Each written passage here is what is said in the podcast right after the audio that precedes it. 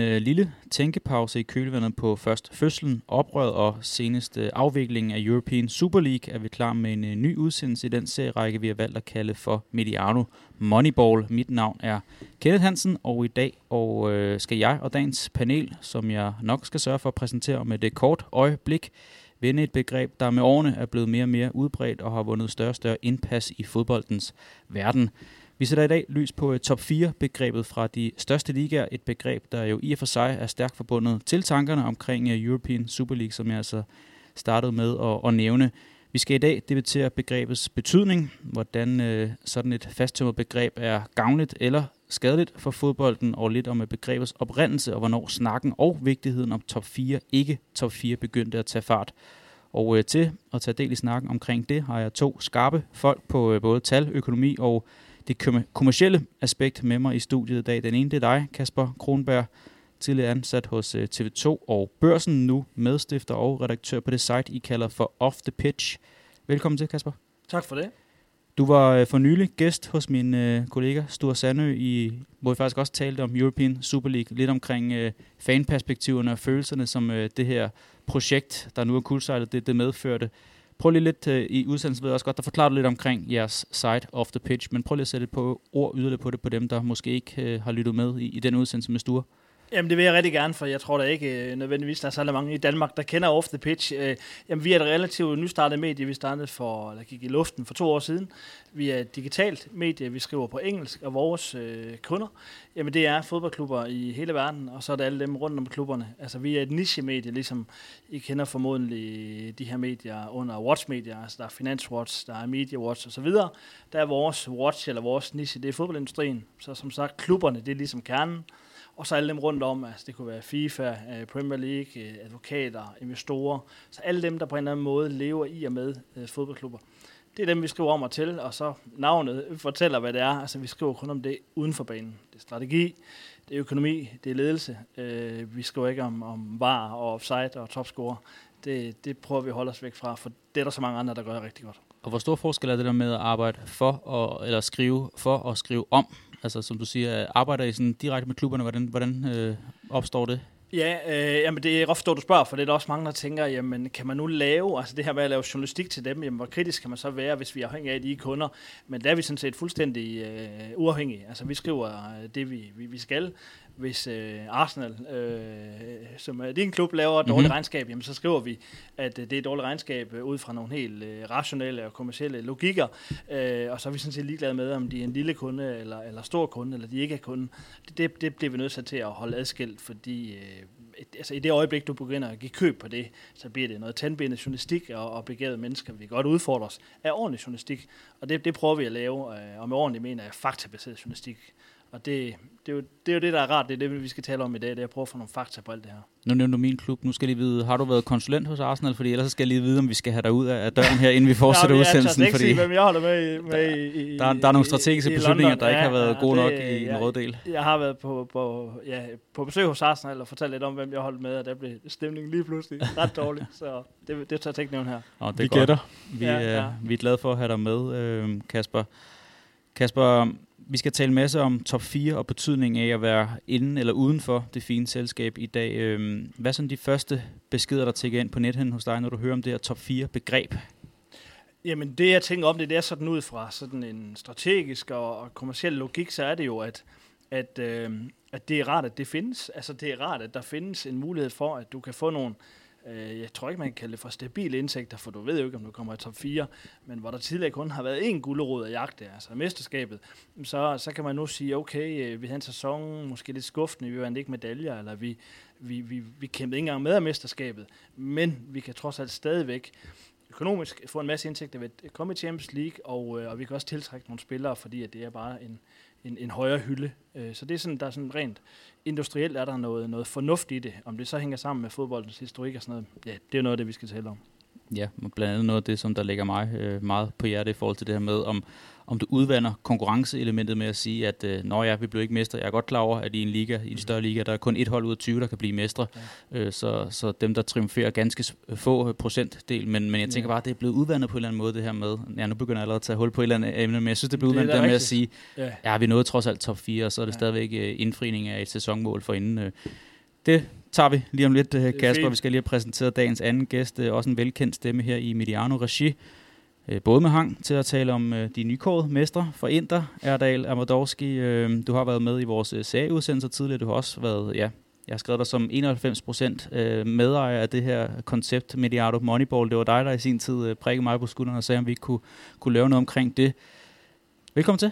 Tak skal du have. Godt at jeg tænker i, øh, i bedste Bundesliga-stil, at det er jo lytterne, der har 51 procent, og så må vi jo dele om, øh, om, øh, ja. om de andre 49 kender. Det er jo det, sådan, det skal være. Det synes jeg er en god point. Det er Erdal, øh, vi havde jo egentlig for nogle uger siden planlagt en hel masse, fordi vi lavede, øh, ja, hvad var det, i slutningen af marts måned, tror jeg, ligesom øh, indledningen til den her serie Mediano Moneyball, hvor vi ligesom lavede en overflyvning og sagde, hvad skal de næste udsendelser, hvad skal de næste uger omhandle, og så skete der lige det her omkring uh, European Super League, hvor jeg så også ringede til dig og tænkte, det er en op, oplagt mulighed for os til at, at ligesom malke det her øh, koncept og, og det her format, og så skete der lige det, at øh, I blev ramt af lidt øh, ja, corona-advarsel i hjemmet. Det endte så med, mig bekendt, ikke at blive til noget, men der var noget med en, en ansat i øh, en af de institutioner, hvor du har børn i, at der, der blev hjemsendt med corona, og så skulle I også lige noget isolation der. Så det var grunden til, at vi ikke hørte dig i de her European Superliga-uge, ja, desværre.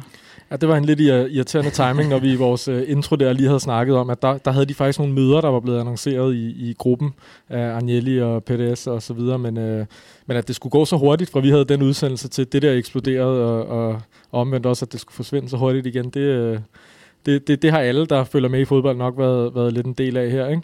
Men, øh, men nej, altså det var jo en, en, en farse, hvis jeg nu alligevel skal knytte lidt ord til det der, og, og måske noget af det på tværs af industrier, jeg nogensinde har oplevet, været dårligst planlagt og eksekveret. Så, så der går lidt, øh, der kunne man lave en dokumentar eller Fire Festival, hvis man, øh, hvis man, hvis man havde mod på det.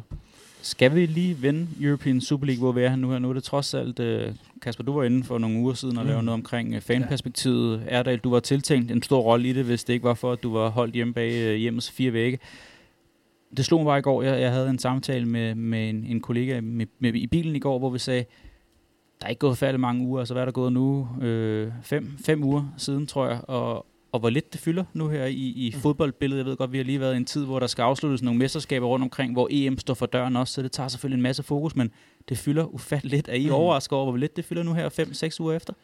Ja, jeg ved ikke, om jeg har tænkt over sådan det der med, hvor meget det fylder. Altså, jeg noterer mig mere, at det lever stadigvæk. At den er jo ikke død. Altså, der er jo stadigvæk nogen, der gerne vil det, og de var ude at sige det så sent som, var det i går eller i forgårs, og, og vores tophistorie i dag er, der var et stort møde i European Leagues i går, hvor, hvor hvad hedder han, både Teba siger ord, og øh, hvad hedder han, Richard Masters fra Premier League også, og, og, og, og de lader ikke skjul på, jamen den her, at det ikke bare, altså det var ikke bare et projekt, som var støbt i en investeringsbank i, i New York sammen med nogle klubejere.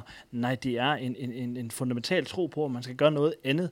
Jeg tror, de kaldte det, var det en filosofi, og den lever stadigvæk, så, så den er ikke død. Om den så nogensinde kommer til at leve, og jeg tror ikke, den kommer til at leve i det format, øh, vi har set fremført, men den er, den er stadigvæk i live, og, øh, og, og det sidste er jo ikke skrevet øh, endnu overhovedet. Jeg tror, at, at grunden til, at den også føles død, er jo, og det ved du mere om, Kasper, men, men der er jo ikke nogen, der har interesse i, at den skal leve lige nu efter det her. UEFA har ligesom fået deres sejr, i hvert fald ud til offentligheden, ja. øh, for os det format, de ligesom har, har præsenteret. Den, den, den fik så også, den fik jo også fjernet al opmærksomheden, ikke? så, så de, de store konspirationsteoretikere har jo nok stof der. Ikke? Øh, og, og hvad hedder det?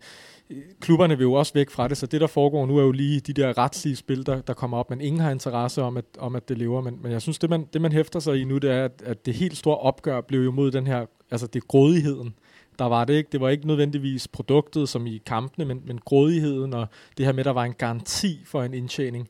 Det var på den ene side jo det, klubberne rigtig gerne ville have. Det ville jeg jo også, hvis jeg havde min egen forretning. Men omvendt var det også det, som folk reagerede på. Det var princippet, og det kan jeg huske blandt andet Oscar i en af udsendelserne jo var meget inde på, rent kulturelt og filosofisk. Det her med øh, sport og det at kunne tabe i sport, hvor meget det egentlig fylder i vores opmærksomhed. Jeg tror også, han sagde, at, at du kan ikke få den gode smag for sejrene, hvis du ikke har den dårlige fra, fra nederlagene også. Det er jo ligesom sådan et, et konkurrenceelement, som vi vokser op med, med fodbold og bare sport generelt, at, at, at ja, at sejrene skal også kunne fejres, fordi at man også har risicien for de her nederlag rundt omkring. Adal, hvor er du henne i forhold til, du siger det her med konspirationsteorier og med, at det falder sammen med nogle ting, at, at, at lige nu er momentet ikke for det, men, men tror du også, at klubberne sidder og tænker, at i det skjulte vi fik også det, vi fik ud af det, fordi vi fik det her nye format, vi fik trumfet igennem med den her nye lancering af, hvad Champions League bliver årene fremadrettet. altså det, tidligt i forløbet var det, var det sådan en teori, hvor jeg tænkte, er det bare det, det her er, siden at, at hele marketings- og branding-materialet ikke var stærkere? Og så går UEFA jo netop ud med den, som, hvor man så kigger på den og tænker, den er jo fordelagtig for de her klubber. Øh, jeg, jeg tror ikke, det bare er så firkantet, at det var enten eller, men jeg tror måske, at der er noget omkring det her med snakkende, timingen er påfaldende, omkring det her med formatet, at de måske ville have endnu mere var det her så en, en presbold? Var det noget, man reelt... Altså, og, og jo mere tid der gik, jo mere tænkte man jo, okay, de ville være klar til det her. Men de ville jo ikke have været klar til at starte i august. Det ved vi jo. Altså, alt det setup. Øh, hvem skulle, mange spurgte sig selv, hvem skal dømme kampene? Hvem skal sætte banner op? Hvem sørger for bolddreng? altså, hvordan, hvordan skulle du nogensinde nå det på, på fire måneder i, i, i det format? Så ja, det, vil jeg ikke, øh, det skal jeg ikke tænke mere over, men, men det var påfaldende, synes jeg. Man har stadig sådan indtryk af, at det var lidt en kulisse, det hele foregik også, når man snakker om, jeg har set mange reaktioner på den der hjemmeside, der nåede at blive stillet op, at det lige noget, som vi tre kunne have lavet i en time i, oh. i formiddag, sikkert sat op. Altså ja. det var, det lignede ikke noget, der var skræddersyet og top-tunet til at skulle have sin begyndelse i, i midten af august, når, når spillerne vendte tilbage fra, fra sommerferie. Godt, det var lidt omkring European Super League. Det er ikke det, som det skal omhandle i dag. Jeg skylder lige at sige, at øh, vores partner på øh, udsendelsen her, fordi det omhandler international fodbold, det er Heineken 0,0. Og øh, vi skal heller ikke lægge skjul på, at øh, vi optager her øh, fredag eftermiddag. Vi har været ude og lave andre ting. I har passet jeres respektive jobs, og jeg sætter også stor pris på, at I har tid til at komme ind her fredag eftermiddag efter fyraften. Så vi har faktisk taget en, en fyraften pilsner med i, øh, i studien Heineken 0,0, fordi at øh, I to kommer også i bil. Og jeg tror, hvis jeg har kigget kalenderen korrekt, at jeg har puttet chancen i aften. Så, øh, så jeg tænker, at de her 0,0, de egner sig godt til øh, både at få stillet tørsten i, hvad der ligner den første sommerdag, vi har i, i 2021. Så øh, skål, de her, og øh, skål. I får altså også lige en mulighed for at øh, høre lidt mere omkring den her 0,0 øl, som der også bliver en øh, gennemgående partner, når vi dækker EM hele sommeren. Heineken er officiel partner på Champions League, EM 2021 og på Europa League, og er Medianos partner på de internationale turneringer. Vores partnerskab handler om den alkoholfri øl 0,0, der nu gør det muligt for dig at køre hjem og være helt klar til næste dag. Derfor siger vi sammen med Heineken, Now You Can. Erdal, øh, jeg nævnte for lidt siden det her med, at øh, du også har været med i andre medianerformater i CA, når vi taler om øh, primært Inter, og øh, fik jeg sagt tillykke med mesterskabet for lidt siden. Nu er der så, Nej, det jeg ved ikke, hvor, hvor godt smager det så nu, når, når Conte ikke er der længere? Altså har det givet lidt malurt i bæret? Jo, det har det jo. Altså, det var jo et projekt, man gerne så i flere år, men, men det er altid nemt at skilles, når man lige har vundet. Det, er jo, det har vi prøvet før med Mourinho dengang, efter, på samme aften. Den her gang skulle der gå tre døgn, ikke? Så, så vi... Øh, det, det går længere og længere tid, før de forlader os, men, men så på den måde har jeg det sådan lidt, han kom, han så, han sejrede, al held og lykke i fremtiden. Nu kommer vi sikkert igennem en eller anden kaotisk periode, men, men, men, men nu er det ikke med en baggrund, hvor man ikke har vundet i 11 år. Altså den her kan man leve længe på, og derfor er den også sådan lidt... Det har faktisk ikke fyldt særlig meget hos mig, at han er videre. Fordi, øh, men selvom jeg gerne havde ønsket ham at blive, så... Nu var det egentlig ikke fordi, at, øh, at jeg ville bruge for færdig meget tid på at ønske tillykke med det her mesterskab. Så skal, det var bare lige... så skal du ikke gå ned ad den boldgade. det, var, det var bare mere en overgang til, at vi kunne tale omkring øh, det her øh, begreb, som vi skal tale øh, som det alt overskyggende ting i dag med top 4, fordi når jeg voksede op med primært Premier League fodbold, øh, da jeg så det, der var det her top 4 øh, kon, eller felt meget fasttømret med, med United, med Arsenal, med Chelsea og med øh, Liverpool. Øh, så begynder der så at komme nogle nye spillere hen senere hen, så det er også blevet udvidet. Men, men i sag, der har vi også talt om øh, gennemgående i vores serieudsendelse den her uge, øh, eller i den her år, at, at der har det nogle gange været et felt på seks eller syv mandskaber, så der kan man måske mere snakke om, at begrebet top 4 er, så, er blevet så vigtigt, som det er, fordi at der, der er syv klubber, der gerne vil samme sted hen, men der er kun fire billetter, der skal uddeles hvert år. Altså, kan, kan du sådan nævne, oprise nogle eksempler, Erdal, i forhold til, hvorfor er det så forbandet vigtigt for mange af de her klubber at komme med i top 4, som der hedder Champions League? Fordi det er jo den finansielle stabilitet, vi talte om før, som European Super League kunne give dem. Er du med hvert år der, så er du hele tiden foran de andre. Budgetmæssigt, øh, budget betyder de bedste spillere, de bedste spillere betyder de bedste resultater, og, og så, så, så det giver jo på den måde sig selv, og vi kommer til at komme ind på nogle eksempler øh, her, der rent faktisk viser, hvor stor forskellen er. Så, så, så hvis jeg dykker lidt ned i det, altså hvis man kigger på kvartfinalerne i de europæiske turneringer i år, øh, hvor Arsenal når jo kvartfinal, eller da de var i kvartfinalen i Europa League, hvor de kom direkte ind igennem, der havde de tjent 25 millioner euro på at mm. deltage i den. I deres Europa League-kampagne. I deres Europa League-kampagne. Da Man United var samme sted, men gennem Champions League, havde de tjent 69 millioner euro. Det er en forskel på 45 millioner euro. Øh, små, små, lidt over faktisk øh, 300 millioner danske kroner. Fordi United havde gruppespillet med i Champions United League. havde gruppespillet med i Champions League.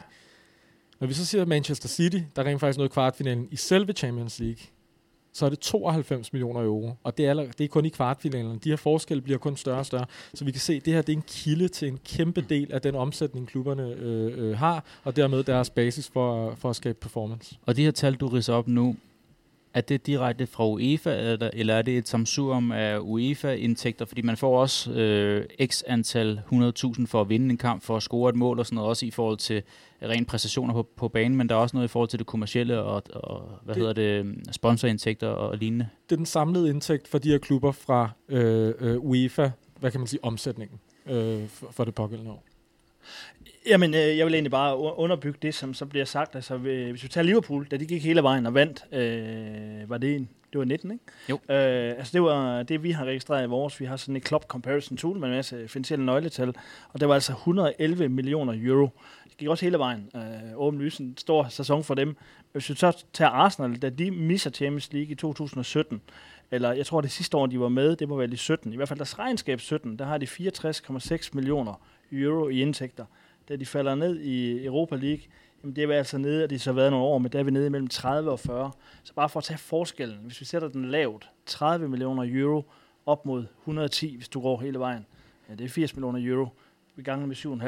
Altså, det er rigtig, rigtig mange penge. Ja, og så sige, det er en fjerdedel af, hvad Liverpool tjente det ene år, og så sige, nu er det så, nu har Arsenal slet ikke spillet europæisk i den kommende sæson, men, men så er det så tre eller fire sæsoner med Europa League, så kan du gange det op med det. Altså, det bliver nogle voldsomme summer, Præcis. bare på en, en kort overræk. Og så er der de afledte effekter. Altså dem, dem, dem, der spiller Champions League, de får flere fans, fans og flere penge osv., og, og de er jo ikke engang regnet med her. Øh, og det vi jo også har tilladt os lidt i den her programserie, hvor, fordi da vi talte om det, Kasper, mig og Kenneth i starten, så var det faktisk meget de samme ting, som du nævner, I laver i Off the Pitch. Det var det uden for kridtstregerne. Vi har så tilladt os at linke lidt til det sportslige.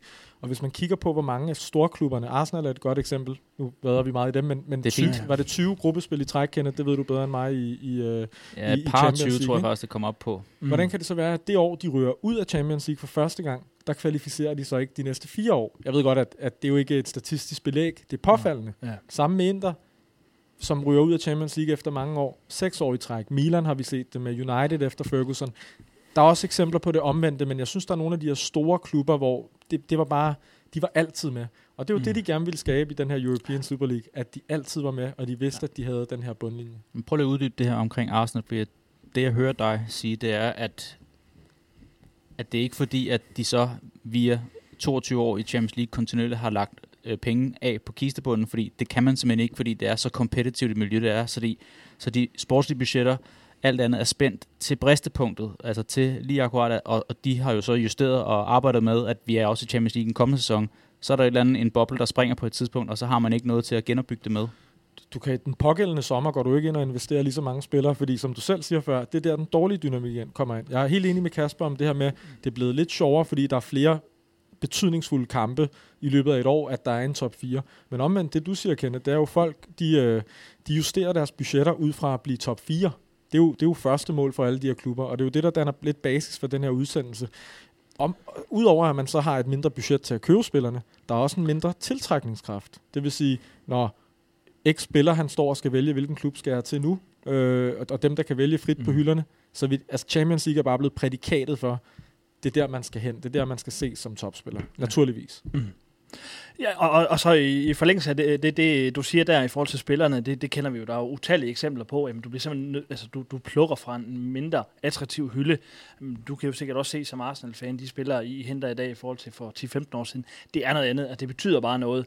Jeg tror dog også, man skal passe på med at, at overvurdere det. Mm. Altså som nu holder jeg med Tottenham, og der har man jo mange år talt om, at når vi kommer i top 4, så kan vi bare købe alle de bedste spillere i verden og, og sådan noget. Det er jo ikke helt tilfældet. Altså Tottenham kan jo ikke tiltrække. Der er så også noget med noget løn og sådan noget, men lad nu den ligge. Men det andet, det er jo også det der ejerperspektiv. Der er jo bare, du har en, en, en, en Kronke, der ejer Arsenal. Jamen for ham er det bare sådan logik. Jamen prøv at vores indtægter falder drastisk næste år. Og så kommer manageren og den sportslige stab og siger, nu skal vi tilbage, og vi skal investere endnu hårdere der bliver bare rystet på hovedet og sagt, jamen glem det. Altså, sådan hænger det ikke sammen. Så der er jo altså nogle, der er sket nogle ejerskifter i engelsk fodbold. Det er ikke alle klubber overhovedet, men du har nogen, du har nogen i Liverpool, du har nogen i United, og du har nogen øh, i, hvad hedder det, i Arsenal, og også i, i Tottenham. Det er det samme. Jamen, de, de, de tænker, kan man sige, rationelt økonomisk, at tingene skal hænge sammen. Og er du ikke med i det fine selskab, du har ikke indtægterne, jamen så må du bruge lidt mindre. Det er et rigtig godt eksempel, fordi man kan sige, de tre, du nævner her med United, med, med øh, Arsenal og med Liverpool, de har jo nogle ejere, amerikanske ejere, som der kigger på, at de skal generere x antal i øh, procent i profit på et år. Så sige, hvis, hvis indtægterne falder, så bliver man øh, ja. deraf også nødvendigt nødt mm. til at, at skære ned i udgifterne, hvor man kan sige, City har lidt mere utømmelig pengetank, så de kunne godt, hvis de missede, lad os øh, køre med et ting, eksempel sige, de blev nummer 6 et år, så mm. kunne de godt justere op til den kommende sæson, fordi at de har en utømmelig pengetank, og det samme måske med, med Chelsea har vi jo også faktisk set, i mange sæsoner, hvor de har været nede og blive øh, ja, helt ude af de europæiske pladser for så at komme tilbage og blive mestre året efter. Så der var man villig til for ejerkredsen til at investere det, det krævede for at blive kompetitiv og, og konkurrencedygtig igen. Men præcis, men jeg, jeg står så og tænker, nu, nu nævnte jeg selv Manchester United og Glazer, det er jo sådan en, jeg vil lige sige, det er jo en gammel traver, eller i hvert fald meget omdiskuteret. Hvad har de, har de gjort noget godt for den klub? Har de skabt værdi? Er det de rigtige ejere? Har de de rigtige blik for, hvad der er vigtigt? Forstår de, hvad klubben er? Og så videre, så videre. Men der synes jeg, at de har fået en urimelig hård medfart som ejer. Altså man kan mene om dem, hvad man vil. Øh, deres evne til at udpege en manager, eller deres evne til at udpege en manglende sportsdirektør. Der, der kan være meget der, som jeg godt kan forstå, hvis man er Manchester United-fan, at man kritiserer dem for dårlige sportslige resultater, eller i hvert fald middelmodige sportslige resultater i forhold til, hvad man har været vant til. Men jeg synes bare, at den her kritik af, at de ligesom malker klubben og overdynger den med gæld, hvis du ser på Manchester United, hvad de har brugt af penge på transfers øh, og på lønninger øh, i de år, hvor det ikke er gået særlig godt, jamen de matcher jo de andre fuldstændig og overmatcher mange af dem. Så jeg synes faktisk ikke, det er helt rimeligt, at man, man ligesom siger omkring Glazers, jamen det er gået så dårligt, fordi I tænker kun på dividender, og I investerer ikke i holdet. De investerer massivt i holdet, men de investerer, investerer måske ikke særlig kløgtigt. Det er en anden diskussion. Ja og det er måske ikke Irons skyld, fordi altså, der har været noget vildt, som du siger. De, de ligger jo meget lige metal øh, med City faktisk på, på Præcis. en 7-8-årig periode alligevel også. Det, det er jo deres skyld. Altså, det er ikke for, for at fritage dem for noget, fordi det, det er jo, de bestemmer, og det er ultimativt deres ansvar, så at de ikke har fået lavet en tilpas stærk sportslig struktur, der har sikret, at man, man har haft måske en sportsdirektør eller en teknisk direktør. Jeg ved ikke, hvordan det setup skal være. Vi kan jo bare konstatere, at det har ikke fungeret ret godt. Slingekurs med Van Mourinho, Solskjaer, hvad er I, hvad vil I? det er deres ansvar, så det kan man godt blame dem. Men jeg prøver bare at sige, at når de bliver bebrejdet, altså ret voldsomt, vi har jo selv set demonstrationerne, at de ikke er villige til at bakke klubben op finansielt. Det synes jeg simpelthen ikke er rigtigt. Det er også, når man, når man så sammenligner sig med, med nogle af de helt store klubber, hvor, hvor, hvor det er drevet af andre der har vi jo snakket om City og PSG mm. en gang imellem, hvor det er mere udtalt, ikke? Øh, ja. og, og, og de, de, de driver ud fra en anden forretningslogik. Ja. Mm. Men jeg synes også, der er noget interessant i det her med, altså i Premier League er det jo, hvis man tænker på, på, på andelen af deres samlede indtægter, nu tænker jeg tv-penge fra den hjemlige liga og så videre, så kunne man jo godt argumentere for, at det er lige en tand mindre vigtigt forholdsmæssigt, om man kommer i top 4, end det for eksempel er i Italien eller Spanien, fordi Premier League-pengene i sig selv er så store, at man hele tiden kan gøre det, Glazers har gjort og investere og så videre. Ikke for at modsige min egen pointe fra før, men, men hvor hvis man så paralleliserer lidt over mod Italien og, og, og kigger på i øvrigt måske den vanvittigste top 4 kamp, man nogensinde har haft i år, ikke? Øh, altså hvor, hvor vigtigt det der er, hvor stort et tab det er for Napoli der at, at spille 1-1 hjemme mod Verona. Men omvendt også Juventus, som stod til at ryge ud. Hvad ville det betyde for dem? Skulle det så betyde et par år, hvor man i, i øvrigt er, er ramt af nogle, nogle hårde finanser lige nu? Det, det gør en kæmpe forskel for deres evne til at konkurrere allerede fra næste år. Du ser det allerede nu, ansætter de Allegri, eller blev den officielt lige inden vi gik på her, Kenneth. Ja. Øh, var han kommet, hvis de ikke spillede Champions League i år? Måske, måske ikke. Øh, kunne de have købt den ene spiller, eller beholdt den anden spiller? Altså, det, det, er jo, det, er jo, det er jo den lavine, der sættes i gang, der hvor, hvor det er meget volatilt, om, om du er der eller ej. Ikke? Jeg synes faktisk, at det, Juventus er et super godt eksempel på, og nu, nu er det mange af tingene tankeeksperimenter, men jeg læste også en, en, en ret god analyse omkring at sige, hvis de var blevet nummer 5 og missede Champions League og alle de penge der, så er de faktisk ikke råd til at fyre Pirlo, så kunne det måske blive en forlængelse af det projekt, de er ved at køre med en ungdomlig proces, og nu vil man så gå tilbage til en, som der har vundet mesterskaber i massevis med Allegri og sådan noget, så, så, så tager man lige pludselig en ny twist i det her og sådan noget, altså hvordan et resultat kan være så afgørende, både på det økonomiske, på det statsmæssige og på, på fremtiden for en klub, altså det, det er ret vildt, synes jeg. Nu, nu, nu sagde jeg til at starte med, at, at de var taget med i forhold til tal, økonomi og, og det kommercielle aspekt og sådan noget, men vi talte også om for lidt siden det her med, at, at bare fordi United, Arsenal, Liverpool misser Champions League et eller to år, så gør det ikke, at de ikke er attraktive for spillere fra hylde 1, hylde 2, hylde 3 måske. Altså det er jo ikke fordi, at Leicester så, fordi de bliver mestre i, i 16, så lige pludselig er den klub, som øh, alle spillerne vil til og sådan noget. Så, så der er jo også noget, der taler om ancienitet for klubber og, og, og et ry og et renommé også. I allerhøjeste grad, altså det, det, det tænker jeg da, at øh, altså jeg ved ikke, øh, Arsenal, altså øh, hvor mange år var det, de, de missede Champions League? Øh, nu ved jeg det ikke, men... men det er fire år nu her, de kigger jeg, ind i. Men jeg vil da tro, at, at de første par år, jeg har jo ikke været med til de forhandlinger, så jeg ved ikke, hvem de har talt med, og hvem de har formået at flyve til London og, og gøre sig øh, attraktiv overfor, men, men, men, men, men har du den der historie, gloværdig historie, selvfølgelig vil folk godt spille for sådan en klub, selvom du er væk et enkelt år. Men, men, men, men så er det, det er det altså inde på, det der med, når først, når først det begynder at rulle, og du ligesom, altså, det, det er jo kommersielle indtægter, du mister, det, det, er, det er øh, spillerne væk til dig, det, det er bare en utrolig ond cirkel, og, og du kan ikke blive ved med at, og, hvad skal man sige, udnytte din historik på et tidspunkt, så, så, så går, går det der tabt. Nej, der, er, der er jo ikke et facit, og, og, og det er det her med, at nogen formår at komme ud af sådan en ledelsesmæssig krise, hvor, hvor man skal genopbygge noget og, og, kan, og gå ind og investere. Det går godt nogle gange, det går dårligt det, det er det her med risikoen for, at du rammer forkert en eller to gange, som man har set i Inter, Milan. Arsenal er, er jo i gang med den lavine lige nu. Nu kan vi næsten godt stadfæste, at, at det er en reel lavine, ikke? Fire år i træk mm-hmm. efter 20 år, og United kom så ud af den, når vi taler lige Champions League, men, men det er, kommer du lige til at tage de forkerte valg, så begynder du at komme bagerst i feltet, og ikke nødvendigvis et år øh, på grund af Leicester vinder eller mm. et eller andet. Ikke? Men, men, øh, men igen, du kan sige, det at Leicester vandt det år, eller kom derind, har jo også skabt, at sådan en klub er, altså de ligger jo derop nu fast, hvor før i tiden har man godt kunne se dem, der lavede de her mirakler, de røg ned igen, eller altså vi kender det jo fra herfølgecasen selv og så videre, ikke? i forhold til hvornår startede det her med at blive så voldsomme beløb øh, og så afgørende for klubbens fremtid. Det kunne jeg godt tænke mig, at vi måske lige starter ved begyndelsen om, om et øjeblik, men Adal, prøv lige at tage os igennem, øh, nu er du intersympatisør, altså fra, fra triple-sæsonen med Mourinho i 10 frem til nu her, hvor man så bliver mester igen. Altså prøv lige at tage med, fordi det er et meget godt eksempel på, op- og nedture i fodbold, og hvad de her penge kan betyde, og hvad de kan betyde, når de ikke er der, fordi der har godt nok også været nogle, nogle sløje trupper i forhold til, hvad man har af, af mandskabsmæssigt nu her. Ja, altså, og jeg vil gerne linke det ind, som, som Kasper har med omkring det ejerskab, du har samtidig, fordi de to ting hænger sammen, synes jeg. Man har jo Moratti, der har været præsident i mange år, og hans, hele, hans, øh, hele hans mission med ind, der har været at genskabe det, hans far gjorde i 60'erne, og vinde Champions League og Serie A. Og da han gør det i 10, så er den mission ligesom fuldført, så han er, han er jo ikke interesseret i at, i, i at bruge lige så mange penge. Øh, det medfører, at man, man misser ud lige pludselig, man geninvesterer ikke i trup, han sælger fra, fordi missionen er fuldført. Der bliver det opkøbt af Erik Tohir, en, en indonesisk businessman på det tidspunkt. Han har bestemt ikke tænkt sig at, at vinde nogen travels. Han skal bare øh, have ryddet ud i, i, de, i de grimme bøger og, og få ændret nogle organisatoriske ting, så han kan sælge det videre. En masse dårlige år. Han, han evner ikke det her med at forstå, at man skal jo investere for, for at komme ind i Champions League, hvor det hele er, og sælge videre til et projekt, der så gerne vil investere. Efter et år i et projekt, der gerne vil investere, er man tilbage i Champions League, og har været det siden.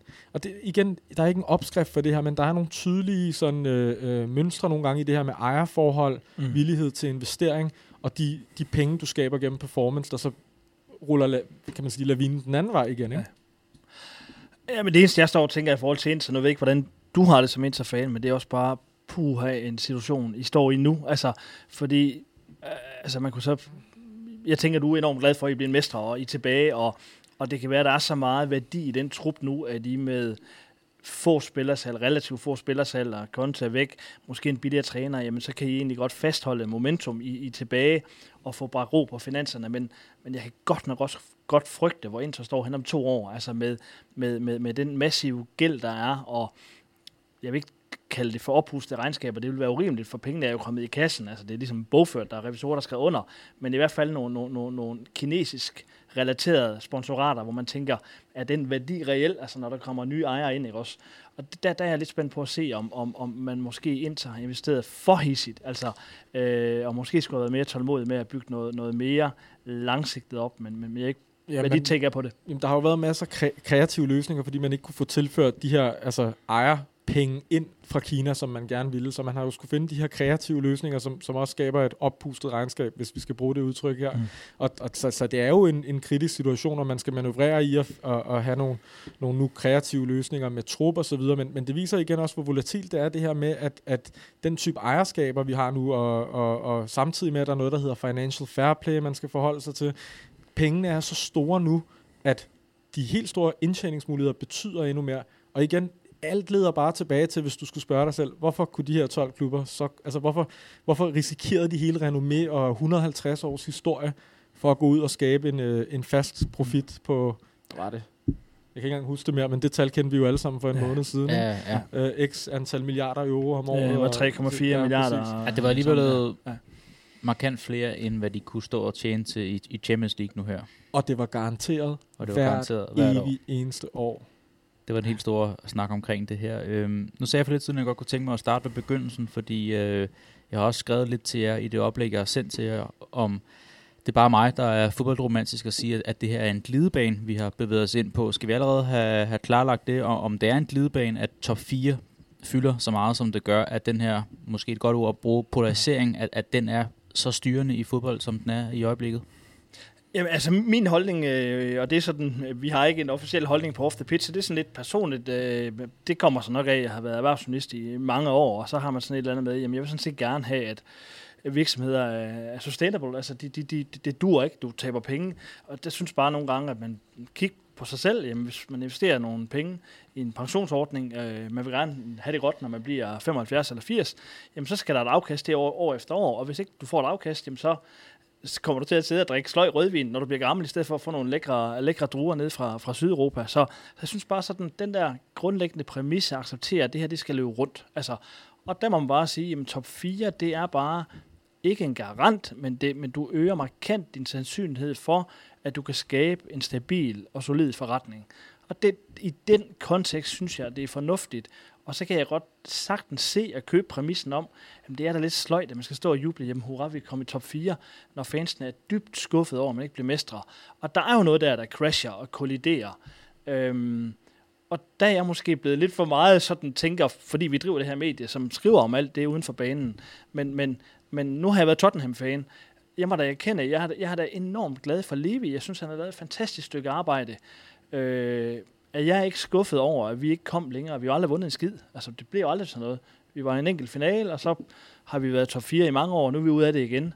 Men det er jeg da enormt skuffet over. Altså, så jeg tror, der, jeg har sådan en balance, men jeg har respekt for det, de laver. Jeg synes, det er langsigtet, det er fornuftigt. De bygger et stadion.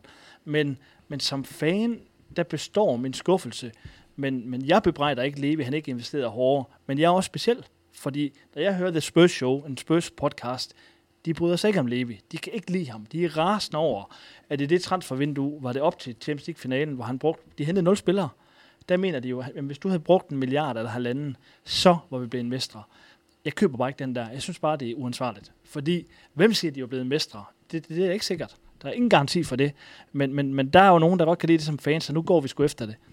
Der er jeg bare et andet sted. Men det kommer måske også an på, hvilket ståsted man kommer fra. Altså sige, Helt klart. en klub som Tottenham, som du selv nævner, har ikke vundet alverden. Øh, Roma har måske heller ikke vundet alverden, så for dem er det et, succeskriterie at indfri og sige at komme i top 4 kontinuerligt, hvor at der måske, hvis du spørger nogen af dem, der holder med nogle af de andre hold, som der har vundet mesterskaber i massevis, så, så kan man ikke sidde og juble.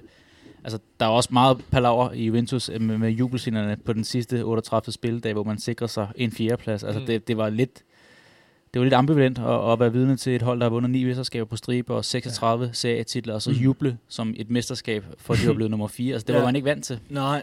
Men man kom fra en position, hvor man ikke var fire i Ja, anden lige præcis, lige så præcis. apropos Så den her, selvfølgelig altså- skal de der spillere, de, de skal jo ikke tage som gisler Nej, nej. for en, en klubs Nej, historik. Men, men jeg men, føler men. Ja. men, men det var, det var ret, øh, det, det skabte i hvert fald noget, noget debat efterfølgende i forhold til, hvad er det reelt, I har vundet, så er der jo rigtig mange, der spurgte om.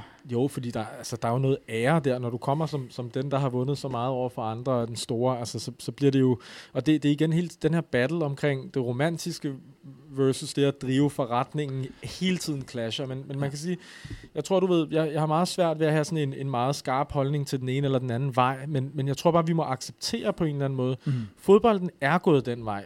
European Super League eller ej, vi, vi er fanget i det her spænd. Altså, det er en erkendelse, om man kan lide det eller ej. Øhm, og, og, og det er lidt, altså hvis man nu, nu ved jeg, at jeg kender, at du vil gerne komme til det, men, men, men altså det her med, hvornår begynder det her at tage fart, ikke? Altså, Gerne. Kør altså, det nu. Altså, vi, vi, vi ser i 96-97 i Champions League, der er fire grupper, det vil sige 16 hold. Det vil sige, der er et vist antal kampe, der er et vist antal penge. Inden for et par år, jeg tror det er indtil ja, er det 99-2000, hvor at der er otte grupper, måske året før, der er flere kampe, det betyder flere penge. Hvis vi linker det her til den timeline fra vores første udsendelse, for dem, der ikke har hørt den, hvor vi argumenterer for, at hele kommercialiseringen kommer efter VM i USA i 94, og den bølge, det skaber. De to ting klikker jo bare sammen som sådan en katalysator der, hvor man tænker mere kommercielt. Hvad er det første, du så gør? Så skaber du flere kampe, flere tv-penge. Mm. Hvilke hold vil du så gerne have ind i det? Du vil gerne have dem fra de store lande. Der er flest seere. Det er også de bedste hold for det meste, men der er flest seere. Og, og, og den lavine ruller og ruller og ruller. Og hvis, hvis man prøver at kigge her på en tabel, vi, vi alle sammen har kigget. Nu, nu tager jeg bare lige det, det data, der var, der var opdateret her. 2005-2006 sæsonen. 607 millioner euro omsætter Champions League som, som, øh, som turnering for Samlet pulje. samlet pulje. 18-19, 2,8 milliarder euro. Og jeg så lige en artikel fra i går. Vi er oppe på omkring 3,5 milliarder euro nu. Så det er ikke stoppet. Det fortsætter. Vi er i det.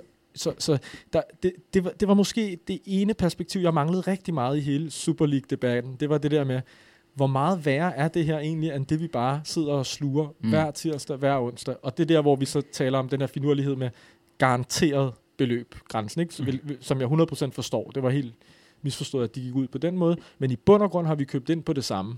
At, at, at vi har bundet os til, at det er det her, der kommer til at drive, hvem der har succes eller ej. Jamen, jeg er helt enig. Altså, og jeg synes netop, øh, altså, jeg synes, det, det er spot on netop, den del af debatten mangler vi. Dels det der med at forstå, jamen, hvad er det egentlig, vi har? Altså, hvad er det, vi står midt i? Og det er fuldstændig det. Men, men, men det, man også skal forstå, og det, som jeg, jeg virkelig savner i den her debat, det er jo, jamen, vi står bare ikke et særlig godt sted. Altså, øh, europæisk fodbold er ikke særlig sund. Altså, klubberne har ikke en særlig sund økonomi. Da vi gik i gang med vores øh, lille øh, startup der i, i 18, der var der faktisk nogle tegn på, at der var flere og flere af de store klubber, der begyndte at lave overskud. Øh, vi, vi øh, lavede nogle analyser inden, fordi vi tænkte, jamen, hvis vi går ind i en industri, hvor de er fuldstændig ligeglade med, om de taber 100 millioner om året eller en milliard, jamen så gider de da ikke læse om strategi og regnskaber, fordi hvis de er ligeglade. Så, men der kan vi bare se, der er simpelthen en tendens til, at de begynder altså at tjene penge. Men de sidste to år, altså mens vi har været i gang, der er også en corona, der har gjort rigtig meget dårligt, men fundamentalt set, vi har lige fået en italiensk journalist eller en analytiker til at lave en analyse.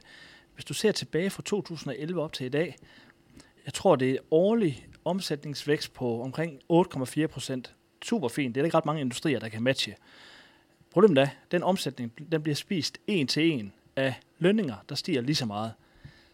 Ved siden af det har du så transfers, transferomkostninger, og her taler vi kun de fem store ligaer, der årligt er steget med 11,5 procent. Det vil sige, det er bare en sindssyg, us- altså øh, virkelig en, en dårlig spiral og en meget, meget usund forretning. Så jeg siger på ingen måde, at European Super League var løsningen på noget godt, og jeg brød mig ikke om det her aspekt med, at nogen skulle være med, uanset hvordan de performede. Jeg kan personligt overhovedet ikke lide det, uagtet hvor meget jeg prøver at tænke sådan rationelt og økonomisk og sådan noget der. Men jeg synes bare, at vi må se i øjnene, at der skal altså gøres et eller andet. Der, der, der skal laves, tages nogle alvorlige geværgreb, fordi lige nu lever klubberne, de, de, de, de, de, alle er jo glade, der er folk tilbage på stadion, men jeg vil godt æde min gamle hat på, i løbet af de næste 12-24 måneder, der kommer konkurserne til at rulle allerede nu her til sommer. Prøv at se fransk fodbold. De, de er så presset på likviditet. At hvis jeg var sportschef i Danmark, så ville jeg æd og bank med få nogle scouts til Frankrig og se, hvad du kan plukke dernede, for de kan, altså, de kan ikke opretholde de omkostninger der. Så der er, bare for at sige, der er enormt store problemer. Det er ikke sundt overhovedet. Så Neymar til FCK, siger du her til sommer? Øh, ja, det, var, det, var, det, var, det, det ville være sjovt. Ja. Jeg tænker, jeg tænker mere, Ja, ja. jeg godt, jeg godt du står og griner, men måske, øh, jeg tænker, man godt kunne plukke i en Ja. i, altså, øh, bund 5-10 klubber. Øh, Jeg kender ikke deres, øh, for vi har jo ikke friske regnskaber fra dem, så jeg kender jo ikke deres aktuelle likvide situation, men vi kan bare se, hvis vi prøver at fremskrive, hvad har de brugt af penge og sådan noget der, og det er ikke kun i Frankrig, så har de det rigtig sløjt. Nej, men det- jeg synes også, at så hvis vi skal tale et element mere i, i hele det her, hvorfor er europæisk fodbold havnet i den her situation? Så flere penge, men alligevel er der flere, der har, der har problemer med at få det til at løbe rundt. Det er jo UEFA, der har haft, hvad kan man sige, øh, altså ansvaret for det her financial fair play, som jo gerne skulle være, det, det, hvad kan man sige, det organ, og, og, og det har jo fejlet fuldstændig, fordi på den ene side er der mange, der arbejder under det, finder kreative løsninger. Det endte blandt andet med en masse klubber, der skulle øh, ud og give de massivste lønninger i verden på fri transfermarked. Det blev et helt, helt nyt attraktivt marked. Vi, vi har set de her Aaron Ramsey cases og mm. Rabiot og så videre. Man har dyrket det rigtig meget i Juventus og også ind der senere hen, så Marotta, han er sådan en, der tager det der med sig, ikke? men det skaber bare et problem i den anden ende, at de er, når, når de spiller ikke performer, du kan ikke afsætte dem til den lønning. Hvorfor skulle, hvorfor skulle, han, øh, hvorfor skulle Ramsey sige nej til den løn? Om så, så, så du kan ikke engang give dem gratis videre. Det, og, og så ender du med noget i bogen, som du ikke kan komme af med, som forhindrer dig for alt muligt andet. Ikke? Præcis. Og bare sige en spiller som, som Mesut Özil, som Arsenal endte med at sende gratis afsted til Fenerbahce, altså måske den, den dyreste spiller, da de købte ham i sin tid øh, for, for en klubrekord, som man ikke kunne øh, afsætte på grund af den u, øh, astronomiske løn, han tjente. Altså nu betaler man måske stadigvæk, hvad der ligner 50-60 procent af hans lønninger, mens han render rundt og spiller i, i tyrkisk fodbold. Altså det er jo også bare et, et vildt case på, hvor, hvor galt det kan gå, øh, både øh, hvor meget en spiller kan fylde, øh, og, og, og være en hemsko for en klub, øh, tænker jeg også, det er ret, det er ret markant. Ja. Nu fik vi nævnt UEFA øh, for lidt siden. Altså sådan, hvor står de henne i forhold til alt det her? Altså man tog jo et kraftigt øh, overgreb på, på den fodbold, øh, europæiske fodbold, øh, man havde kendt i rigtig mange år med Europakoppen øh, for, for mesterhold, hvor det var en national vinder, der mødte øh, alle de andre nationale vinder rundt omkring, og så blev det også ret tit øh, nogle fra de større ligaer, som der endte med at spille de her finaler, men der var også nogle, øh, nogle, nogle gange, hvor der var nogle klubber, som der kom frem til noget, som de ikke har set nu. Altså, når jeg kigger tilbage på Champions League, den seneste reelle store overraskelse, det er tilbage i, hvad er det, tre eller fire, hvor øh, Porto og Monaco spiller den her finale her. Det, det, det er snart 20 år siden. Altså, hvornår får vi det her tilfælde igen med, med den struktur, vi har i øjeblikket, og der er lige blevet lanceret en ny Champions League-plan, der favoriserer de større ligaer de større hold endnu mere, end vi har set ja. tidligere. Men jeg synes, øh, altså igen, Erdal ramte den sådan set meget rent før, for, for det er jo det samme på det sportslige. Vi har ligesom den der idé om, altså da man sablede øh, European Super League ned og talte om, jamen, de misser det helt fundamentale i fodbold, og alle kan slå alle, og alle skal have en chance og sådan noget, og, og de misser ånden i fodbold, og det er jeg sådan set enig i.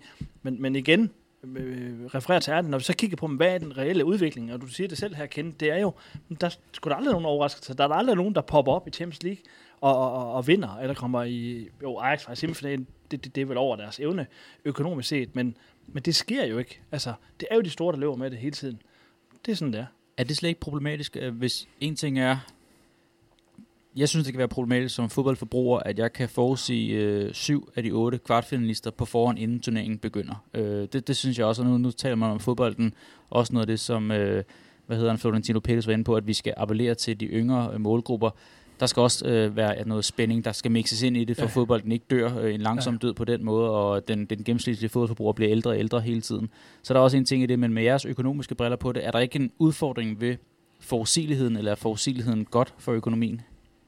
Øh, altså, jeg tror, der det er sådan lidt både og. Altså, men jeg tror, øh, det, det, jeg tænker på her, det er i forhold til Generation Z, den nye øh, generation af fodboldfans. Jamen, hvad er det, de vil have? Øh, jeg køber personligt dit øh, præmis kendt om det der med, jamen det er vel ikke ret fedt, at vi ved, at det er de her, inden for de her otte klubber, at, øh, eller 10 klubber, kvartfinalisterne skal findes. Er det særligt spændende? Øh, lad os nu lege, at vi havde en anden struktur i dag, hvor man så kunne se Crystal Palace poppe op, eller Austria Wien, nu siger jeg bare nogle vilde eksempler, eller Udinese komme med. Men, men, men og jeg ved ikke det her øh, præcist, men tror I, at unge fodboldfans i Danmark, i Indonesien, i Kina, vil de se det charmerende i at sidde og se 15, øh, øh, jeg kan virkelig ikke tillade mig at kalde dem knoldesparker for Crystal Palace. Jeg synes, det er et super sejt hold og en god klub. Men bare for at sige, vil de mm. sidde og se det? Vil de følge det? Vil, vil de synes, det var fedt? Eller vil de så tune over mod noget Formel 1 eller golf eller noget andet? Øh, jeg ved det ikke, men jeg har godt været bekymret for det, at der er ligesom opstået en generation af fans, som vil have kvalitet. De er vant til at kunne vælge hele tiden. De kan vælge, er det Disney, der har lavet en ny uh, streaming-tjeneste. Mm. De har, vi har HBO, Netflix, vi kender dem. Altså, jeg har en dreng på 4,5 år, men han er nærmest træt af at se Ramachan, fordi der kommer en gang imellem noget, der er lidt skød. Altså, mm. det, det er lidt kedeligt. Jeg gider ikke se Alfonso Oberg, eller hvad det nu er. Men på Netflix, der har han jo fundet ud af, at den her bestemt lige det, han har lyst til. Og det er lidt det samme med fodbold. Jamen, der ved du bare, at du får det ypperste creme eller mm. creme. Mm. Og gider de, ligesom os, der har kunnet sidde og se Coventry og Niall Quinn, der jo ikke kunne spille fodbold, men som hang i luften. Vi, vi synes, det var fedt, men gider de se det? Jeg ved det ikke.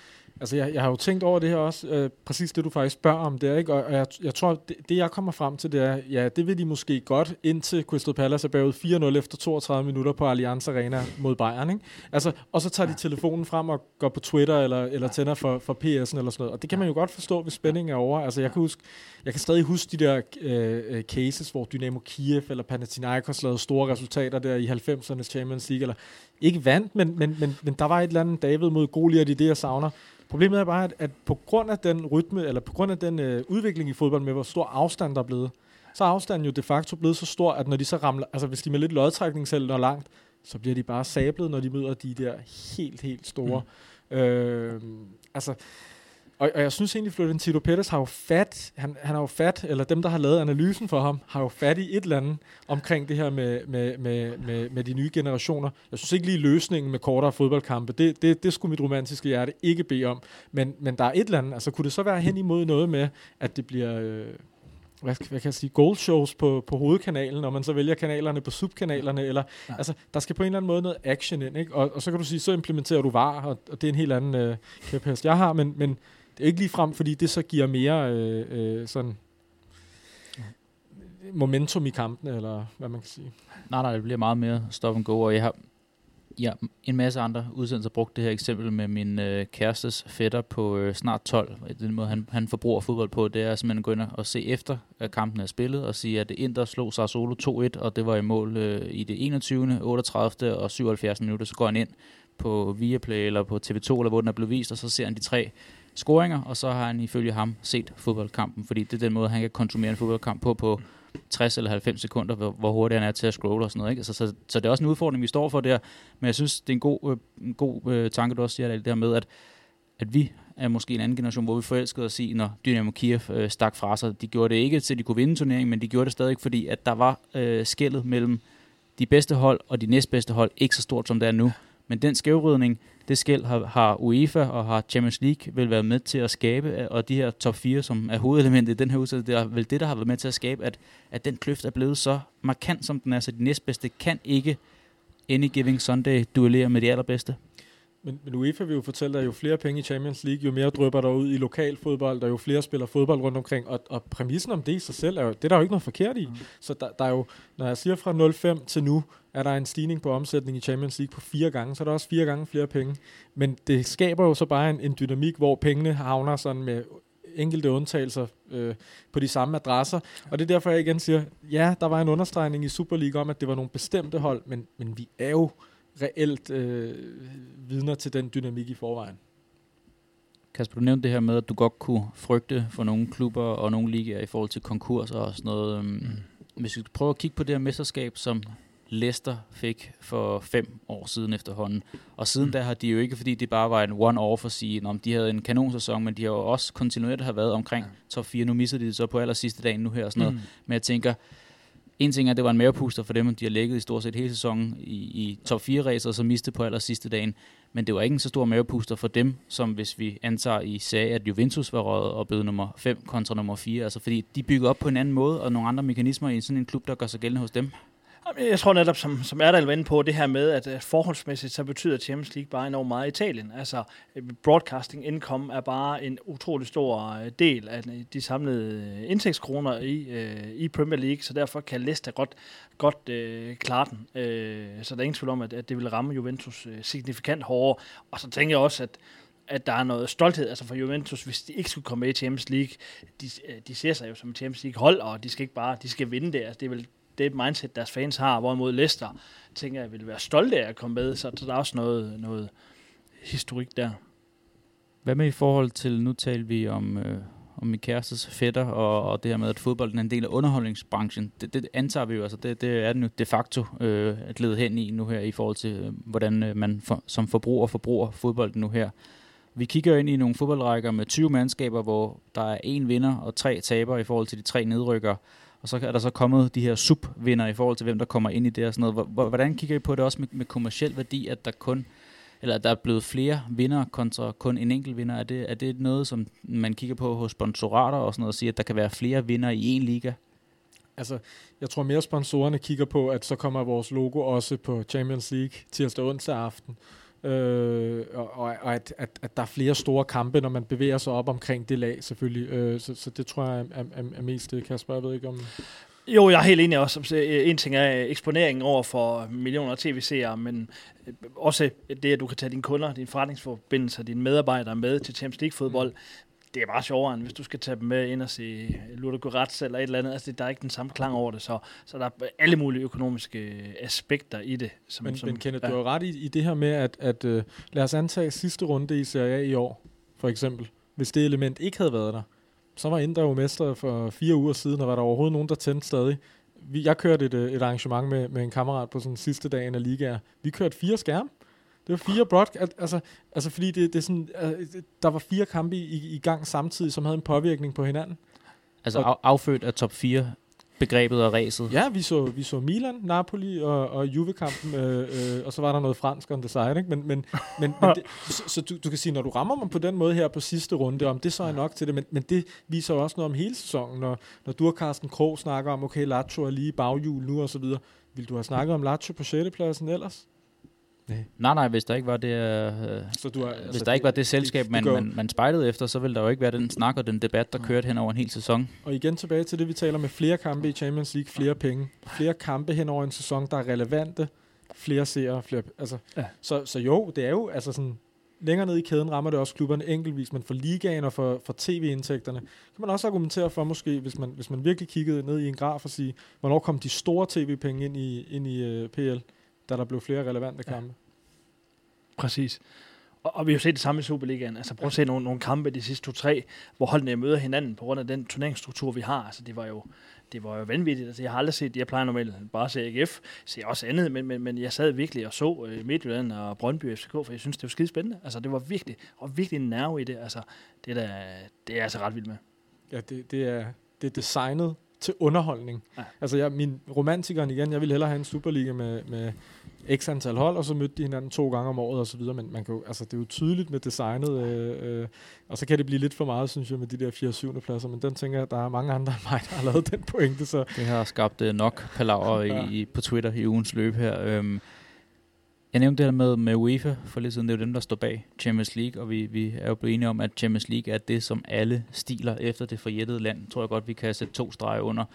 Der er også en markant forskel på indtjeningsmuligheder for klubber i Europa League kontra Champions League, som vi også var inde på tidligere. Synes I, at UEFA har ramt den øh, kalkyle sådan lige i bagenden i forhold til, øh, om, om der skulle være en... Nu, nu fik man i Europa League en større guldrød for et par år siden med at sige, at vinderen Villarreal, øh, en fed onsdag, de havde i forhold til nu, har de udsigt til Champions League kontra Conference League i den kommende sæson, fordi de blev nummer, nummer 6 eller 7 i deres respektive liga. Men, men synes I, de har ramt fordelingsnøglen øh, OK i forhold til, hvad, hvad der drøber hen på Europa League-holdene kontra Champions League-holdene? Altså, jeg vil sige, når du spørger på den måde, det er sådan, nej, så har de jo ikke ramt den, fordi der er jo en polarisering i gang, der er jo en, en, en, en forskel på, på de 20 bedste og, og, og de næste 20, som er blevet markant større, så den er jo ikke ramt, men spørgsmålet er, om de kan ramme den.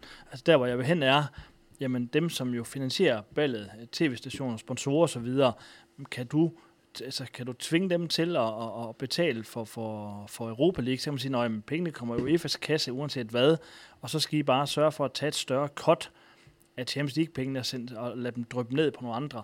Men, men så er vi inde i noget fodboldpolitik. Altså, mm. det, det, det er noget andet, men, men, men så, så nej, øh, det må være det sådan korte svar. Jamen, e, e, e, enig med taget i den betragtning af, hvordan jeg har det med Europa League som et produkt. Jeg synes, det er interessant, når mit eget hold efter mange års europæisk fravær lige pludselig er i en finale. Ellers så, altså, jeg synes bare, formatet et eller andet sted er ligegyldigt, men igen, hvis, hvis, øh, hvis, hvis der var flere penge at spille om, ville de forskellige klubber også prioritere det. Jeg synes lige her, de sidste to-tre år, der er faktisk nogle af de store klubber, der når, når lidt men det længere. måske også var den der guldråd med en ekstra Champions League billet ja, ja, ja, på spil. Ja, præcis, det har i hvert fald gjort noget men, på turneringen. Ja, det, det, det, det, tror jeg egentlig måske, det, det lige har lidt mere, end, end, end man tænker. Men, men og så igen, kan man sige, valuere det, eller devaluere det så Europa League, og sige, at det er kun fordi, at der er udsigt til en ja. Champions League-billet, at vi gør os umage i den her turnering. Nej, det, og det er, jo, det er jo de brede lokale tv-penge, man skal have her fra, fra mange forskellige markeder, man kan bringe i spil.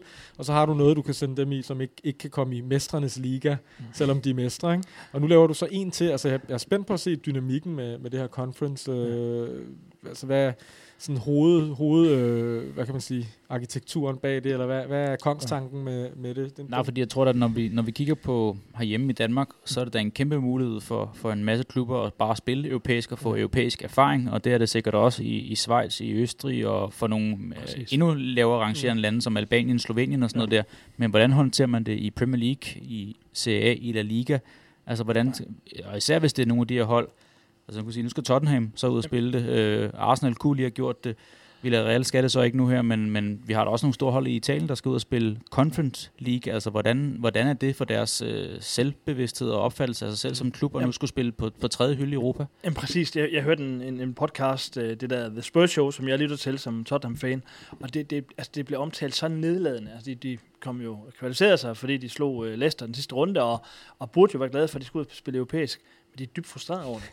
Altså, for det første, for det, altså, af flere årsager. For det første skal de spille en masse kampe, øh, som slider på truppen, ikke? Og det vil sige, misser vi i top 4 igen, og kan vi overhovedet spille noget i mesterskabet? Det kan de nok ikke, men enormt skuffet over det. Men, men de synes simpelthen, det er ydmygende at skulle eventuelt tage til Aarhus og spille mod AGF, hvis AGF kommer igennem. Bare for at sige, de synes, det var helt igennem værdiløst. Og jeg tror godt, vi kan se halvtomme tribuner i England, hvorimod i Aarhus, jeg kan ikke tælle på vegne af alle AGF-fans, jeg vil elske, hvis vi skal spille øh, europæisk fodbold. 19 hold. Hvad for noget? Mod Tottenhams 19 Ja, for det, det bliver det formodentlig. Ja. Men jeg vil også elske det, hvis vi skal møde et eller andet øh, semiskødt hold fra, fra Slovenien. Eller sådan noget. Det jeg synes er dejligt. Ja. Mm. Altså, fordi fordi vi har bare ikke vundet noget som helst i, hvad er det, 35 år, så at vi kan komme ud og spille noget, øh, jeg tror mange af fans vil synes, det er fedt. Så, så man, man rammer den der ren i forhold til de mindre ligaer klubber, men de store, det, det tror jeg virkelig ikke er og fedt. nogen køber jo rettighederne. Nogen, skal, nogen køber jo rettighederne dermed penge. Om så vi kan lide produktet eller ej, men, men så drøber det måske lidt bredere ud. Det, det, det, det, det er måske okay, men det er jo ikke lige pludselig fordi, at, at det gør...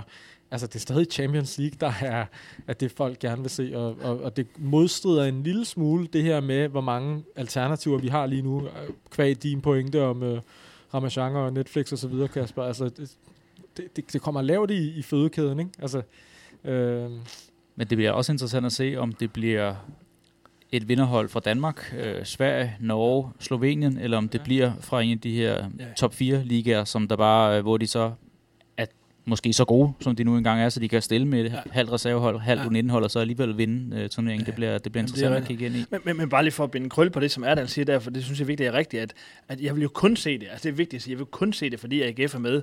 Lad os nu sige, det var Silkeborg eller AB, jeg kunne ikke drømme om, at jeg ikke engang ville se målene. Altså, så der ville jeg være fuldstændig ligeglad. Så, så hænger det sammen økonomisk, kan der få nogle seere til at sidde og se det der. Måske er de klubber, der er med, men, men det er jo, bliver jo ikke store seertal. Nu kommer vi til at snakke uh, Conference League også. Det synes jeg faktisk var meget godt, men jeg er endelig med at sige om, om forskellen på Europa League og Champions League. Lad mig lige prøve at synliggøre den også for lytterne derude og sige, at Villarreal, der altså vandt Europa League i år, via øh, en hel turnering i Europa League, ikke som United, der var den anden finalist, der også har nogle penge på, på kistebunden for et gruppespil i Champions League, men de ender med at, at, at, at tjene et sted mellem 23 og 25 millioner euro i den her sæson på Europa League. Og det havde altså... Øh, hvad var det, du inde på med, med Liverpools sæson, da de vandt? Var det 120, ja, det 119? Det er 111 millioner euro uh, i samlede indtægter. Så, så det, ja, det er, er stykke, sådan stykke uh, rundt regnet 100 millioner euro difference, ja. der er der ja. På, på to turneringer, som der ellers skulle være sådan nogenlunde ligeværdige, men det, det understreger måske også bare, uh, hvor, hvor polariseret det er engang. Jeg ved ikke, øh, har vi et andet konkret eksempel, der måske kan tegne et rigtig godt billede på, hvor, hvor polariseret det hele er blevet? Altså måske et spørgsmål til jer omkring, fordi jeg, jeg kan ikke selv helt finde ud af, hvor jeg står på den, men i det nye format her, i forhold til, at øh, der brugte det her eksempel mange gange med, at i teorien kan United ende som nummer 6, så vidt jeg har forstået. West Ham ender som nummer 5 i Premier League, men United ryger i Champions League. Den, øh, jeg skal bare lige være med, hvad, hvor, øh, hvilke scenarier vil det ske? Øh, altså fordi, at de, at de har vundet... Fordi de har en højere koefficient ja. i... Øh, okay. De har opbygget flere Europa-point til, hvad hedder det, til landet. Og oh, de der ekstra placeringer ja. for dem, der ikke når top 4. Præcis. At så der kommer noget historisk, ja. Ja. hvor det er jo samme dynamik, som vi har været efter i forhold til European Super League. Omvendt, og grunden til at spørge på den her måde, det, det er mere for at sige, når vi har set FCK herhjemme, som, som faktisk lige de to gange, hvor der er udvidede pladser i forhold til, til de helt store gruppespillere og, en og direkte kvalifikation. for dansk fodbold. Det er dem, der har hentet, jeg ved ikke hvor mange procent af de ja. point, og de ender med at misse ud på dem. Og jeg så tænker, den vej rundt, kan jeg jo godt se noget fairness i det, men jeg synes, det er en svær balance, om, øh, om det er performance over tid, eller, eller hvad hedder det, eller nu er her billedet. Men det, det er jo i og for sig også hele European Super League-snakken igen. Altså om det er, øh, at man lever på gamle meritter, og så sige, Nå, så kunne man jo være med i European Super League og garanteret en masse. Øh, en ting er også at være med i turneringen øh, næste år, selvom man taber alle de kampe, man deltager i, man er øh, sikret en hel masse penge. Så, så kunne man jo godt sige, om så Arsenal, Dortmund eller, eller hvem, vi rebuilder ja. nu, vi, øh, vi skiller os af med hele truppen, fordi vi er stadigvæk garanteret og sådan noget her. Mm. Mm. Den, den har man jo ikke i samme grad nu her, men der er jo stadig en, en snært af det der med, at hvis man kigger fem år tilbage på tidligere meritter, så gør det så også gældende der jo. Men hvor meget ramaskrig har du hørt om det? Mm, jamen det er måske, Nej, fordi det, folk jeg kan ved det, og der hvor jeg også synes, der er en forskel, det er jo ligesom, at de her øh, koefficientpoint, det er jo meget målbart. Altså, det er jo ligesom, ja. FC, øh, i det her tilfælde, Manchester United har jo reelt skabt, tjent de penge ja. hjem inden for en ikke overskuelig fremtiden overskuelig. Altså, vi skal ikke ret mange år tilbage, hvorimod European Super League var jo lavet på en måde, så uanset om, om, om Tottenham sejlede rundt i Premier League og når nummer 16 eller rykkede ned, var der egentlig noget der i det hele taget. Nå, lad os nu bare lege det. Så kan man sige, at det er jo helt absurd. Hvorfor skal de spille med på, på det niveau? Mm. Hvor der synes jeg trods alt, at hvis nu, at vi, vi, vi, vi antager, at det samme skulle ske for FC København, de kom med på grund af nogle meritter, det vil jeg faktisk synes var fortjent, fordi det er sket for ikke ret længe siden, har det ikke fortjent at få det, og mod det andet er lidt mere, endnu mere låst, og der tager du alt ud af ligningen. Det er sådan min, min ja, mavereaktion. Og det er jo karikeret i forhold til European Super League og det her, men, ja. men jeg synes bare, at, at man, man leger jo allerede i, altså man har et eller andet i gang i UEFA der, som ja. igen, altså der har jo været, baseret på noget pres fra de store klubber, er, jo det, er det her jo noget, der giver den bare en lille bitte ja sikring mere. Altså en, en, en lille sådan uh, way out af ja. ikke at skulle tjene de penge det år. Og det tror jeg ikke er helt uh, insignifikant i forhold til sådan deres, deres drift i fremtiden og, af, af, af klubben. Man kan sige, at UEFA har vel lavet sådan en lille trinbræt væk fra hovedbanegården, så hvis de ikke når med tog der, så kan man lige løbe hen og hoppe på en gang ekstra følgende, hvis man, hvis man, altså skal man tillade sig at have et, et halvdårligt år, hvor man misser noget, og måske omstrukturere nogle ting, men så stadigvæk have en, en lille lasso ude, hvor man kan, kan hive sig med i det fornemme selskab alligevel. Det skal nok blive spændende første gang, det bliver en, øh, en, en, en sag i praksis i hvert fald. Ja, ja. Det her, vi har talt øh, rigtig meget og kom godt vidt omkring øh, det her top 4 begreb. Jeg kunne godt lige tænke mig afslutningsvis øh, også bare tale lidt til jeres øh, mavefornemmelse, jeres hjerter måske i stedet for, øh, for økonomidelen i det at sige, hvor er I hen omkring det her top 4 begreb? Øh, fordi jeg kan godt forstå, at øh, når du siger det her med, at det skaber noget suspense. Øh, vi talte jo også om i forhold til den her serierække, at det var noget, vi skulle have planlagt at snakke om i marts eller april måned, hvor det begyndte at spidse til, hvor der var 6-7 spillerunder tilbage, hvor man kunne se, okay, hvem kan, hvem kan duellere om, om det aller sidste, den sidste billet et sted hen, og det kan være en markant forskel på succes eller fiasko for den gældende sæson og sådan noget. Så det skaber noget suspense og gør, at det ikke kun er en vinder og tre nedryk, når man orienterer sig efter. Men hvor er I sådan hen i forhold til det gode for fodbolden og udviklingen af fodbold? Altså, jeg, jeg har jo, man kan sige, der er jo ingen tvivl, det har vi jo også snakket om lige før, om det her med, at, at spænding, flere fede kampe, det vil jeg egentlig gerne have, fordi jeg synes ikke, det, det ligesom går ud over den, men, men, men det er der, der er der lidt i det her med, at klubberne tuner sig ud fra det, og stiller sig tilfredse. Og især for faktisk den type klubber, vi tre holder med herinde, ja. der er Arsenal, Tottenham, har jo nogle af dem, vi, vi, vi bruger, det, det, bliver sådan, det, det bliver på en eller anden måde en hvilepude, som man så ender også udenfor nogle gange, så, så fik man ikke engang det der, og man var aldrig nogensinde i nærheden af mesterskab. Altså, det, så, så, så det er nok, der, der er et eller andet der selvfølgelig, hvor, hvor, hvad skal man bare stille sig tilfreds med, og det giver en større basis for, at du har ejere, der, der ligesom kun går efter det. Det bliver det, det hele handler om. Når du siger, at du er egentlig tilfreds med, med Daniel Levy i Tottenham, mm. og der er andre, der vil, der vil vinde the whole month, så er det fordi, du ved godt, hvad der egentlig ja. betyder noget. Altså, det er forholdsvis, vil jeg argumentere for, det var sådan, vi startede med at tale om den her, det her afsnit, det er forholdsvis vigtigere at vinde at blive i top 4, end at vinde mesterskabet i, øh, i, i ens mm. respektive liga. Sådan ja. rent ja. driftsmæssigt. Ja. Uh, jeg synes simpelthen, det er enormt svært. Altså, nu ser du der med, prøv lige at koble hjernen fra, og sådan fornuft og sådan noget, så bare sige med dit fodboldhjerte. Altså, jeg ved simpelthen ikke, om jeg kan gøre det, fordi altså, Tottenham stod jo i den her situation. Altså, de stod i en situation, hvor de havde et monsterrot hold, dygtige manager, de var enormt tæt på at blive mester, faktisk et par gange.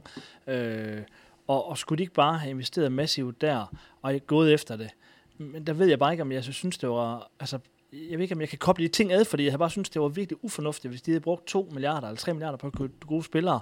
For, for mig er det bare ingen garanti for, at du bliver mestre. Altså det, det er det sgu ikke, og, og, og der må jeg bare sige, at der vil jeg hellere handle om stabilitet, at vi på en eller anden måde holder os i toppen, og om vi over på den lange bane kan komme op og også vinde et mesterskab. Øh, men det kan godt være, at jeg bliver en total miljøskade. Men, men er det så også noget med, ja. med, med etikken omkring det at sige, at, at, at jeg ved, at Øh, Carsten Krog nævnte du for vores øh, serieudsendelse, så han, han holder med Lazio, Ja. og, og, og det mesterskab, de fik i 0001, det var jo for lånte penge, altså så det efterlod en klub i ruiner efterfølgende, og han kom jo Præcis. nærmest i, i fængsel, den danværende klubejer på det, tidspunkt sige, hvor godt smager det Præcis. mesterskab så i munden, så hvis det, hvis det kom i mål på, på unfair vis. Jamen, jamen, det er jo et glimrende eksempel. Jeg er selv Lazio-fan og, og jublede. Jeg var på Filippinerne dengang, jeg kan huske, jeg drak champagne og røg en cigar i, i badebukser på en strand derovre, da, da de vandt. Øh, og, og, og, og, det er det, jeg ikke bryder mig om. Altså, jeg bryder mig simpelthen ikke om den der skrøbelighed, du udsætter dig selv for i jagten på det der, hvor, den der chance er bare så lille.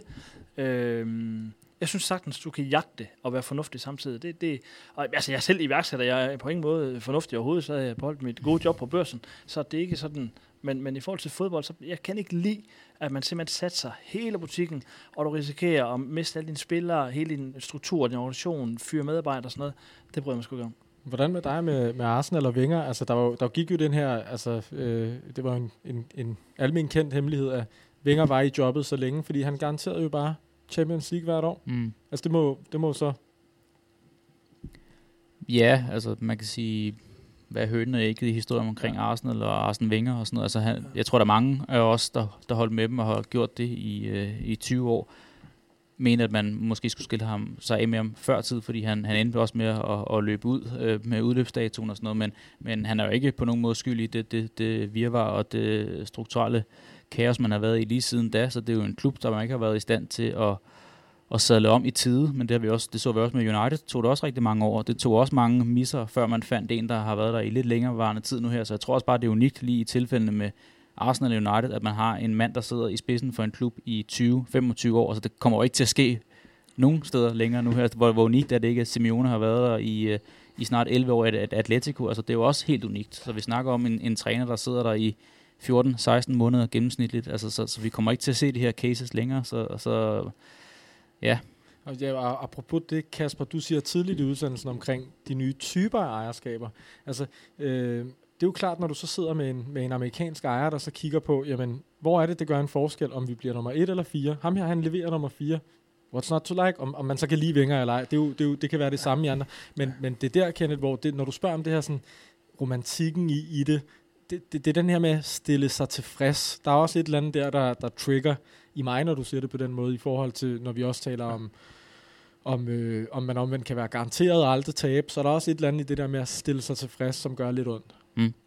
Jamen, øh, jeg synes, det er meget fin afrunding. Nu fik vi talt lidt om, øh, omkring det økonomiske og det kommercielle, så fik vi også lige talt lidt øh, uden om, omkring fornuften og det følelsesmæssige nu her til sidst, fordi vi har alle sammen en lidt øh, fælles øh, skæbne, også tre i forhold til, hvem vi holder med. Øh, Kasper Kronberg, tusind tak, fordi du har lyst til at være med i udsendelsen her. Det var slet. Også øh, til dig, Erdal. Godt at have dig med i, i formatet igen. Tak, Kenneth. Og jeg ved ikke... Øh, jeg tænker, vi holder en lille EM-ferie nu her, og så vender vi stærkt tilbage på den anden side, efter vi, vi har holdt sommerferie med, med, med flere afsnit. Ja, hvis, hvis vi kører med de her øh, øh, grader i temperaturen her Ja. over sommeren, så, så, så kunne vi godt tage Det- en pause det- på formatet. Ja, Det er det er blevet- meget lang pause, tak. Det er blevet lunt her øh, fredag eftermiddag, hvor vi optager, og, og øh, ja, tusind tak det her, fordi I har lyst til at være med. Også tak til Heineken 0,0, der altså er partner på udsendelsen her, fordi den berørte international fodbold. Mit navn er Kenneth Hansen, det her det var femte udgave af Mediano Moneyball.